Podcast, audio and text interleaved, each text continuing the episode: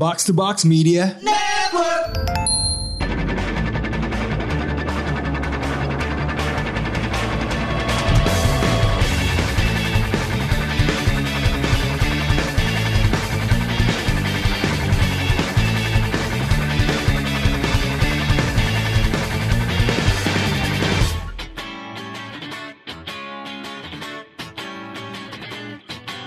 Ikuro, Ikuzo. Selamat datang di segmen baru Otaku Box Yap, yang yap. dibawakan oleh gue Raditya Alif dan Rosi Finza. di mana kita simple ya, kita Betul. cuma eh, ngomongin apa yang kita baca minggu ini. Betul. Jadi kalau misalnya nggak ada yang kita baca, nggak ada yang kita omongin. Gitu. coba, coba mungkin bisa lo jelasin terus kenapa namanya Ikuro. Karena eh, perintah yang turun kepada Rasul itu bukanlah bacot lah. tapi bacalah. Ikro. Ikuro. Jadi Ikuro. Itu adalah romaji dari bahasa Arab berarti. ya? Bahasa Arab. Jadi Ikuro. Ya udah sayangnya kayaknya gue tidak terlalu menjalankan ini episode 1 udah udah bail out ya. gue tidak terlalu menjalankan perintah dari yang di atas itu. Betul, betul. Karena gue tadi dalam apa istilahnya persiapan buat ke sini, gue ada sih ada ada komik kan kadang-kadang the thing about manga adalah lo nggak baca serial yang ongoing kan. Iya, lo iya. kayak cari apa nih yang baru yang kayak covernya menarik. Nah gue lupa judulnya. Hmm. Tadi sebelum kita mulai gue kayak lagi nyari di situs, mohon maaf maaf, this is my bad, situs bajakan gitu kan kayak Iya, iya. namanya apa? But basically it was about uh, seorang polisi yang uh, taking the law into his own hands gitu. Oke. Jadi kan di dalam masyarakat tuh banyak banget orang yang fuck up, yang get away, uh, yang lulus dari kejahatan hukum kan. Iya, iya, nah betul, betul. polisi ini psikopat, dia itu kayak nangkep orang-orang ini, terus dia siksa bener-bener kayak pembunuh bayaran, eh, kayak kayak pembunuh eh yang sadis gitu loh. Hmm. Um, terus setiap kali dia selesai nyiksa itu orang dengan berbagai macam cara. Misalnya ada satu eh, kayak ketua semacam perkumpulan mahasiswa yang menjanjikan lo kalau gabung organisasi gue, lo bisa dapat cewek banyak gitu. Oke. Um, Harem, harem. Terus yang dia lakukan adalah eh dia sebenarnya nangkep eh, dan ngebius cewek dan dia gangbang ya. Oh. Dan jadi bahan revenge porn, jadi dia takut ngelapor gitu loh. Iya, iya, iya. Jadi emang dia di dalam kekuasaannya dan dia orang kaya ya. Privilege bangsat gitu ya. Oke. Dia ngelakuin hal-hal yang yang yang jahiliyah lah intinya gitu.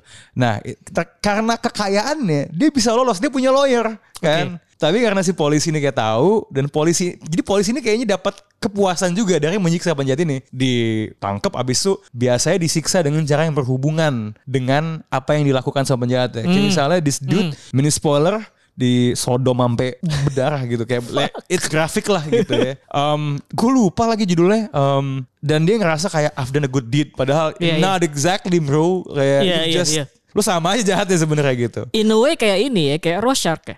Iya. Watchmen. Um, dia punya dia vigilante, dia punya interpretasi dia sendiri kan. Iya, iya. Atas Dan ekstrim. Ekstrim. Eh, kan kalau di Watchmen tuh buat yang baca itu kan sebenarnya semua tokoh-tokohnya kan personifikasi sebuah ideologi kan. Betul. Misalnya di komedian nihilisme gitu. Betul. Sedangkan Rosars tadi Far right. far right pokoknya ekstrim gue radikal gitu ya. Iya.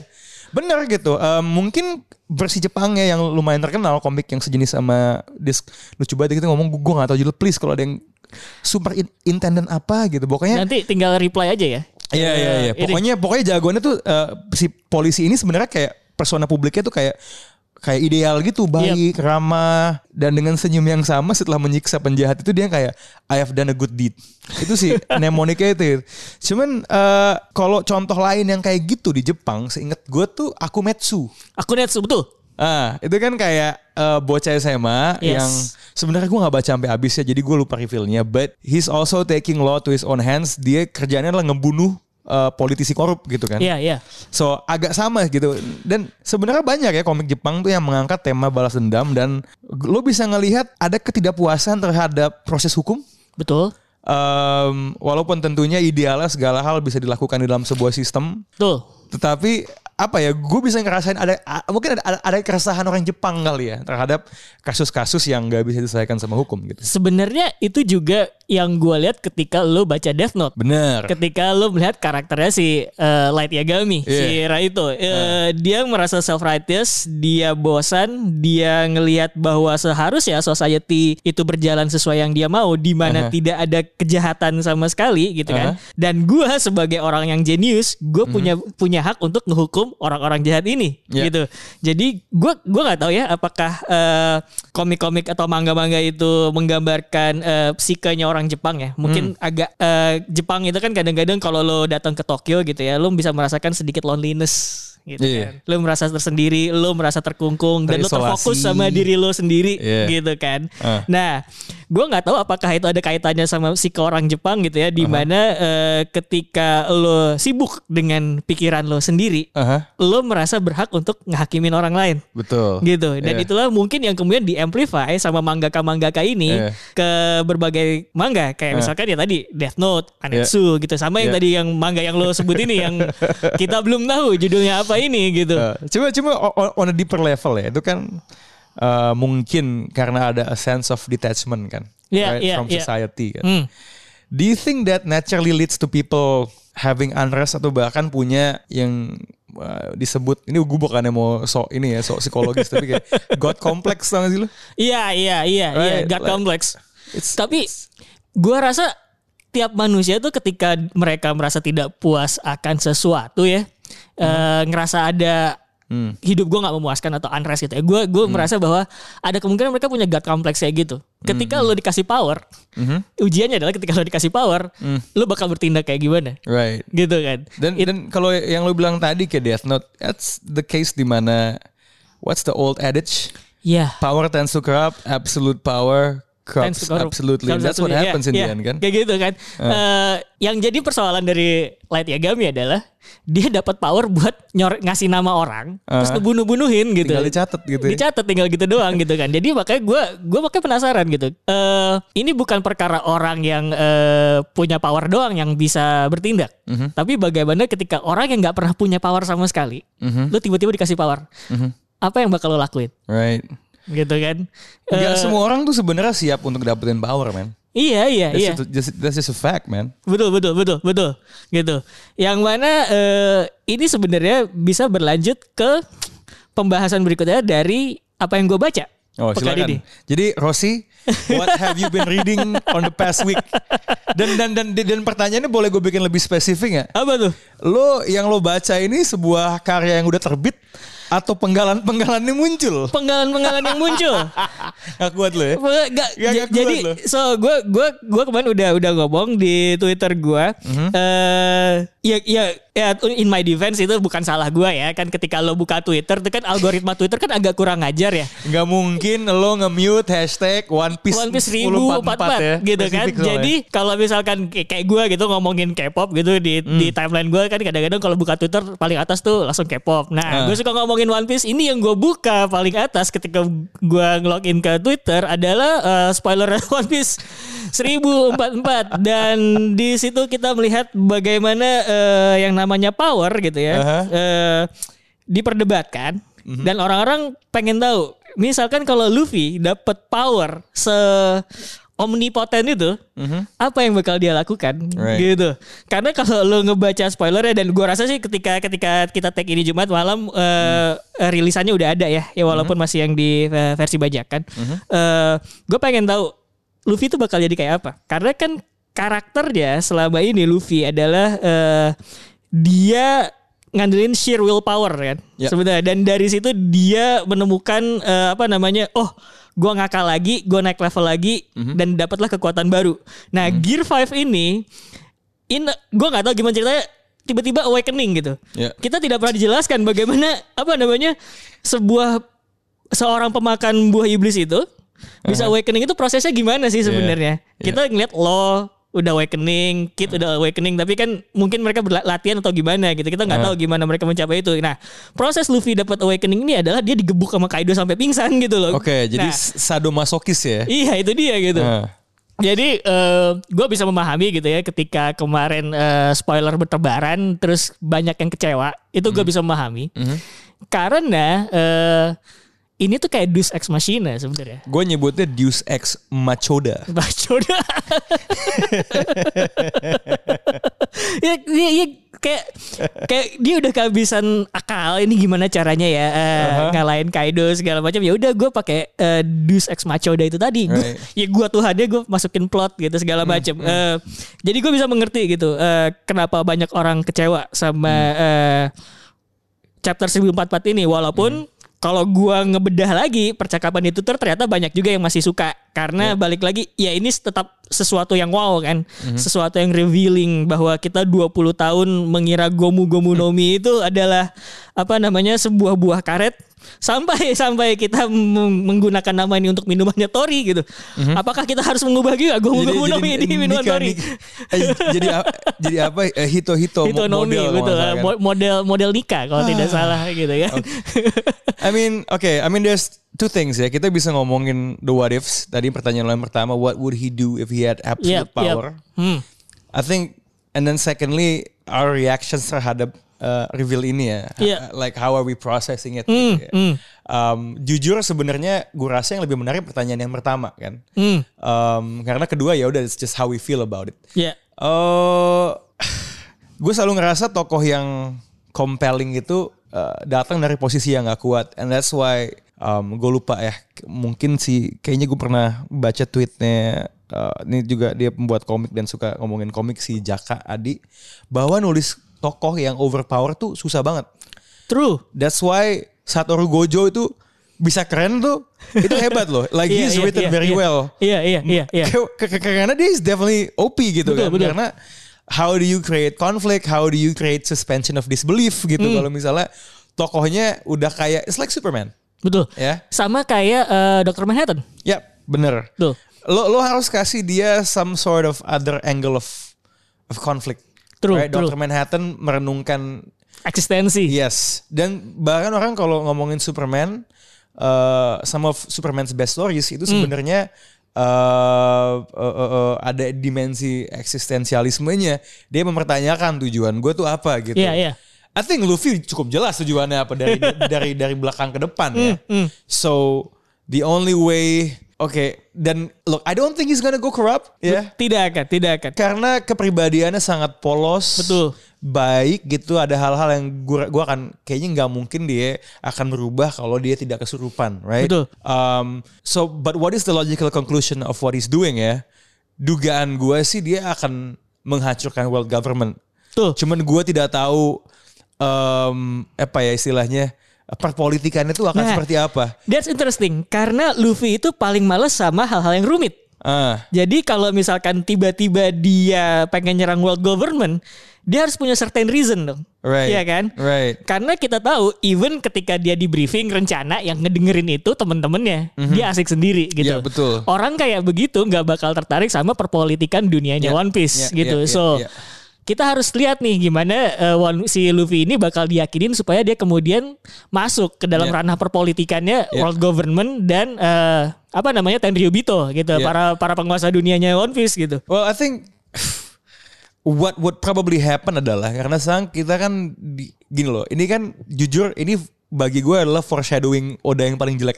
Iya iya Ya. iya. Dan gue bisa ngomong banyak tentang I'm not that invested dengan the whole Joy Boy thing. Yep yep. Gue suka ada sejarah yang hilang, ada sejarah yang dimanipulasi sama penguasa. Betul, betul, Gue suka. betul. But the whole prophecy part of it, Hmm. gue gak terlalu tertarik gitu loh. True, true, ya true. kayak I, I don't really care about it gitu Hmm, ya. hmm. Dan dan kayaknya itu sedang bergerak ke satu arah dan terlihat ada sebuah keterpaksaan untuk diselesaikan. Iya iya nah, iya. cuman iya. salah satu device yang digunakan Oda untuk memaksakan apa yang gue rasakan sebagai akselerasi uh, plot reveal ini Hmm. kan penyampaian eksposisinya kan dari Moncong Gorose kan dari Iya, world iya. government yang bagi gue gue bisa menangkap dan ini sebenarnya dulu mereka punya agenda right orang yang menguasai penguasa ya nggak ingin kekuasaannya hilang True. right apalagi ketika ketika sepertinya itu dia di- direbut dengan cara yang kayaknya agak nggak bener. Iya iya iya. So I think they will stop at no ends to dampen apa yang diusung sama Luffy. I mean, sekarang kan Luffy ini jadi kayak semacam I don't like this ya, the chosen one, Iya. right?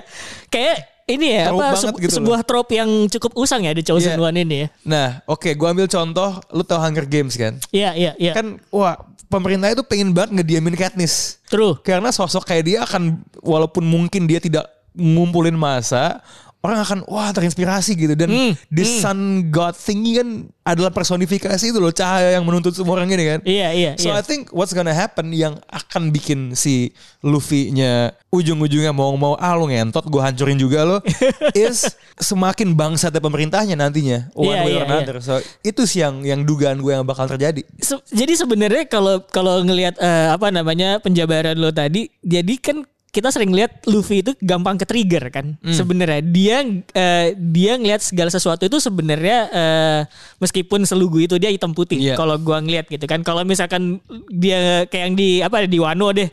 Orang dibiarin kelaparan ya lu nggak bener ya berarti lu musuh Gua gua gitu iya. segampang itu sebenarnya. Nah, gue tuh penasaran at some at some point yang mana nih dia bakal bertindak kayak gitu ngeliat world government eh, nggak bener. Walaupun dia jelas tahu juga di zaman dia kecil kan Gua Kingdom tempat dia tinggal itu Iya. beneran ini kan, beneran The menepikan orang-orang ke not, daerah sampah Oh emang gitu kan. bener-bener ada segregasi itu. Betul betul betul gitu.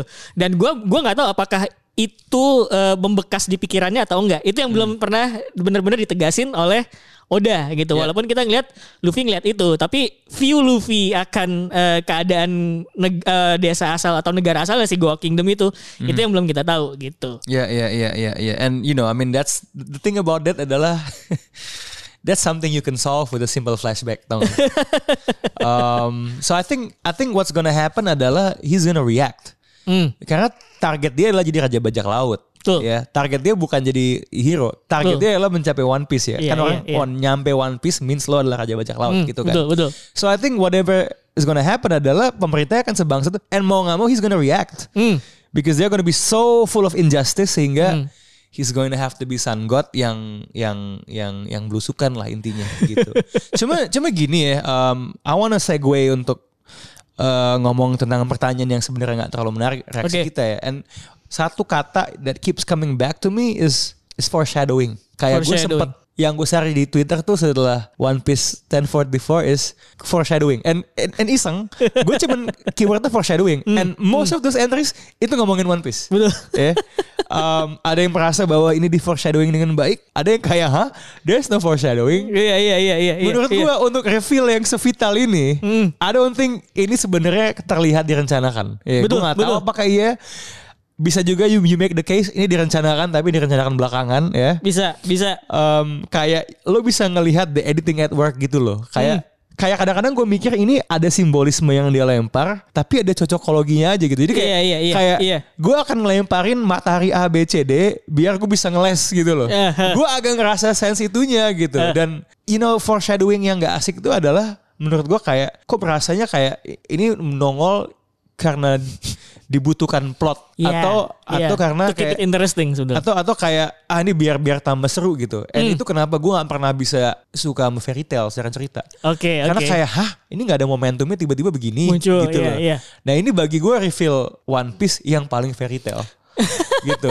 Kayak Amin kan ada yang bilang tapi di chapter 10 18 si siapa Who's Who itu bilang Iya, kayak udah- udah gitu. Kebetulan nah ini yang gue bilang nih cocokologinya kan sama Sun Pirate gitu. Mungkin memang ada uh, simbolisme yang Simbolismenya ada betul. Tapi dari satu simbol ke yang lain kayak pengait-pengaitnya tuh kayak kerasa belakangan Betul gitu loh. betul betul. Um, kemudian ada yang nyamain siluet kayak what the hell man like what gitu Iya, gua- iya, iya, iya, gua mulai iya. ngerasa nih One Piece is that rich as a text orang tuh bisa memproyeksikan penafsirannya men Macem-macem betul. Kayaknya loh. mungkin ada eh, ketika udah bikin One Piece dan Ah. dia semakin ngelihat bahwa universe-nya makin gede gitu ya, makin Hmm. berkembang. eh, dia makin apa namanya? makin nyasar bahwa orang-orang bisa menginterpretasikan ceritanya ini dengan macam-macam Ah. gitu karena kayak kayak gue gitu gue meng- menginterpretasikan bahwa The Whole One Piece ini adalah cerita so- seorang anarko gitu. Iya iya iya. Gitu kan macam-macam gitu. dengan tafsiran itu sih. Dari Eh. musuhnya tuh berasa banget. Iya gitu. Dan gue juga ngelihat eh, dengan makin ke sini One Piece gitu ya, jangan-jangan One Piece itu kan satu kepingan besar kan intinya. Hmm. Dia pengen cerita soal satu kepingan besar. Kita tuh belum lihat satu kepingan besarnya. Satu kepingan besar ntar kalau udah ending, Hmm. terus kita bisa bisa ngebacanya tuh ke belakang. Kayak misalnya yang eh, revealingnya Gomu Gomu no Mi ini Hmm. gitu. Eh gue akhirnya ngebaca ke, sampai chapter 1 ke belakang. Eh, waktu itu kan si Shanks itu nyelamatin Luffy sampai tangannya hilang itu dengan alasan eh gue mempertaruhkan tangan gue untuk masa depan gitu kan. Ketika itu kan rasanya kan kayak ngawang banget. Ya. gue mempertaruhkan ini untuk masa depan dalam artian kayak wah gue selalu berharap bahwa eh, generasi muda bisa lebih maju dan segala macam itu kan ngawang banget. Tapi dengan revealing bahwa Gomu Gomu ini Gomu Gomu no Mi ini adalah sebuah buah yang spesial, jangan-jangan dia nyelamatin Luffy karena ini anak udah makan buah yang udah gua jagain gitu segala macam. Makanya mau nggak mau gue harus ngorbanin that's, gitu. That's the, the chosen one gitu ya. Iya gitu. Jadi chosen one-nya mungkin gak sengaja juga gitu. Hmm. Tapi ya tetap gitu. Anjir ini anak udah makan buah yang gua jagain. Bisa jadi, mau nggak mau jadi. harus gue selamatin one. gitu. Makanya Iya, dia kemudian iya, iya. add value he's ke like- itu like- alasan tadi itu. Dia, dia kayak Ob- Obi-Wan jagain Anakin. Eh jagain Luke. Jagain look gitu. iya, gitu ya. gitu. Karena Ya bisa jadi. karena dia udah tahu sejarahnya Gomu Gomu ni Gomu Gomu no Mi itu kayak apa Mhm. dan Luffy ini udah makan ya gue mempertaruhkan tangan gue buat nyelamatin jangan sampai ini anak mati Oke. gitu. Jadi maksud itu adalah certain things jadi lebih make sense gitu ya. Iya, dilihat gitu. Belakangnya. That's that's a, that's a good point gitu. I still don't like the, the, Iya, the iya, reveal. iya. Gue gak tahu nih ke depannya kayak it's just terasa convenient aja. Kenapa Hmm. dia harus jadi ini karena untuk you know progressing the story dan Iya, iya. untuk ngalahin Kai karena gini. Untuk ngalahin beat Kaido, itu dia, itu. kayak gitu tau gak sih lo? Itu, iya, yang iya. paling bikin gue kayak Betul, betul. Gitu. Dan tapi gua- tapi gue pengen tahu deh in general ya lo terhadap this whole joy boy thing what's Hmm. your feeling karena I'm, I'm a, huge, a huge fan of it Gua gua sebenarnya this this Joy Boy uh, whole thing menurut gua uh, agak-agak agak-agak shady sebenarnya. Karena gini, uh, lu ngelihat bahwa uh, dengan mem- memperkenalkan sosok Joy Boy ini orang-orang jadi mengira bahwa ini bakal ada titisannya. Jadi sesuatu yang given gitu, bukan sesuatu yang lo dapetin gitu kan, Iya. bukan sesuatu yang lo earn gitu. Tapi eh, menariknya adalah eh, adanya Joy Boy ini bikin ada shifting karakter menurut gue di One Piece. gimana tuh Dulu ketika kita pertama kali baca One Piece chapter pertama ada sosok namanya Goldie Roger. Kita ngira kita ngira bahwa Goldie Roger itu adalah ya udah raja bajak laut, sosok paling atasnya nih. The top karakter di One Piece gitu.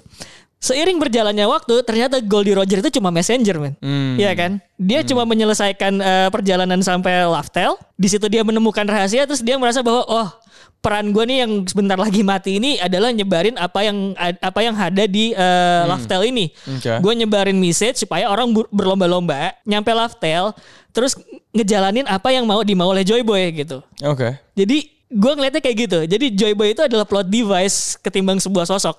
Plot device yang bikin Goldie. Roger sesuatu yang. Mm. sesuatu yang karakter besar di awal ternyata skip nih, eh, apa namanya shifting nih.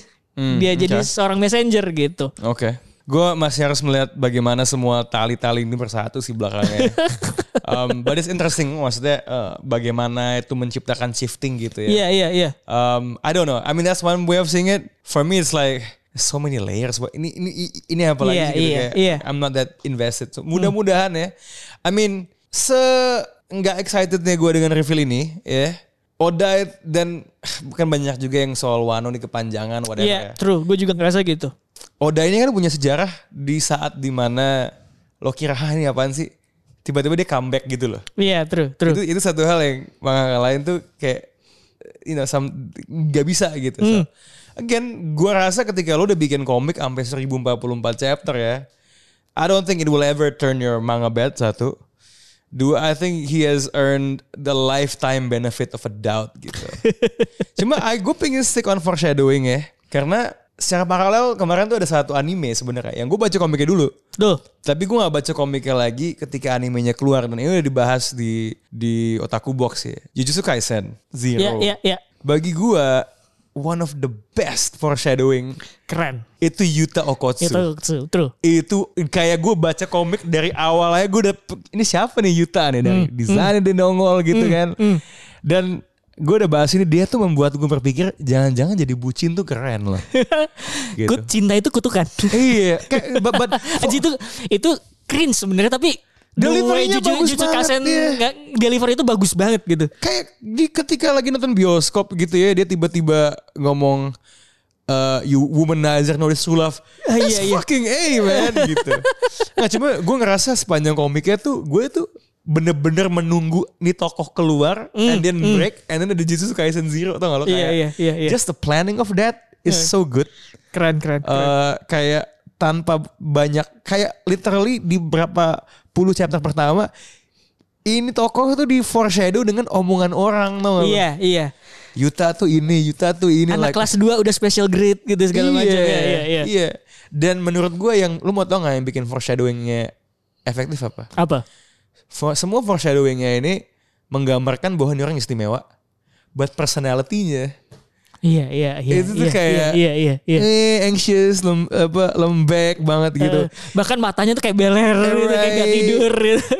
Ya lemah lah intinya Iya, gitu iya, iya. kayak kan seiyunya dia tuh seiyu Shinji Ikari. I see a little bit, Iya, bit of iya, that, iya. the Iya, iya, anxiety bener, bener. gitu. Tapi- Hmm. And that that contrast adalah yang membuat ketika dia bangkit tuh moving banget menurut gue. Iya iya iya keren gitu. keren gitu. But the foreshadowing di Yuta tuh bagi gue that's One Piece tuh used to be like that level apa ya? mm. Uh, foreshadowingnya kerasa kayak misalnya nih ya, Jinbei.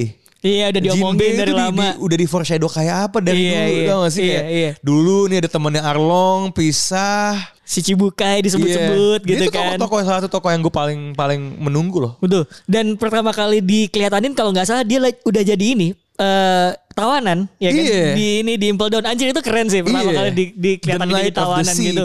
Dan kalau lo inget tau gak men, kontras ya. Hmm. Tadi kan gue bilang kontrasnya Yuta adalah dia di foreshadowing, dia kuat banget. Iya, right? iya. Kemudian ketika dia muncul ternyata sim. Betul. Right? Jinbei, lu tahu teman Arlong, Arlong tuh bangsat foreshadowing. Iya, iya. Ternyata dia mulia banget. Mulia banget. Itu Iya, yang bikin iya, dia semakin compelling man. Dan kalau lo ngeliat Jin.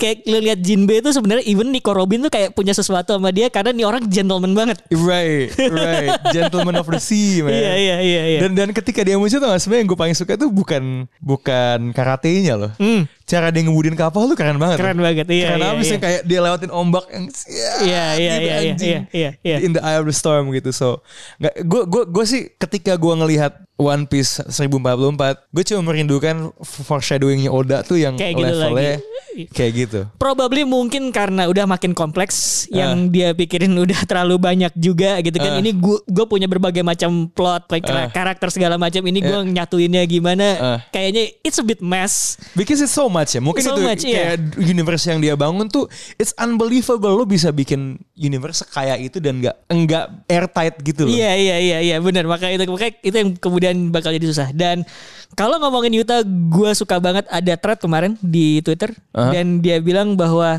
Yuta itu sebenarnya eh, counterpartnya si Yuji. Yuji, Iya. Tadori karena balik lagi kalau misalkan tadi Yuta lu bilang simp Yuji ini kan sebenarnya atlet banget Iya. gitu kan Lagi semua orang suka fit. sama dia Ah. physically fit tapi outlooknya dia sama hidup adalah ya udahlah gue bantuin orang toh ntar lagi gue juga mati Iya. gitu beda sama Yuta yang lo jangan mati dulu deh lo Iya. udahlah gitu Iya, iya, iya, iya, iya, iya. Satu tuh kayak like uh, apa ya di maksimum tapi ingin ke bawah yang lagi sebaliknya iya gitu. iya iya iya Iya, iya. Itu sa- apa ya istilahnya simetri kan. simetri betul Nah itu sebenarnya jadi menarik tuh ketika komik di dibedah tuh selain foreshadowing tadi ya tokoh-tokoh tuh mewakili sesuatu Hmm. dan terkadang kan gini ya you, you want cerita tuh yang character driven right? Iya iya and one of the ways to have a potential buat bikin cerita yang character driven adalah kalau mereka itu punya a kontras dari segi personality yang Iya. salah satunya adalah it's opposites. True. Mirip tapi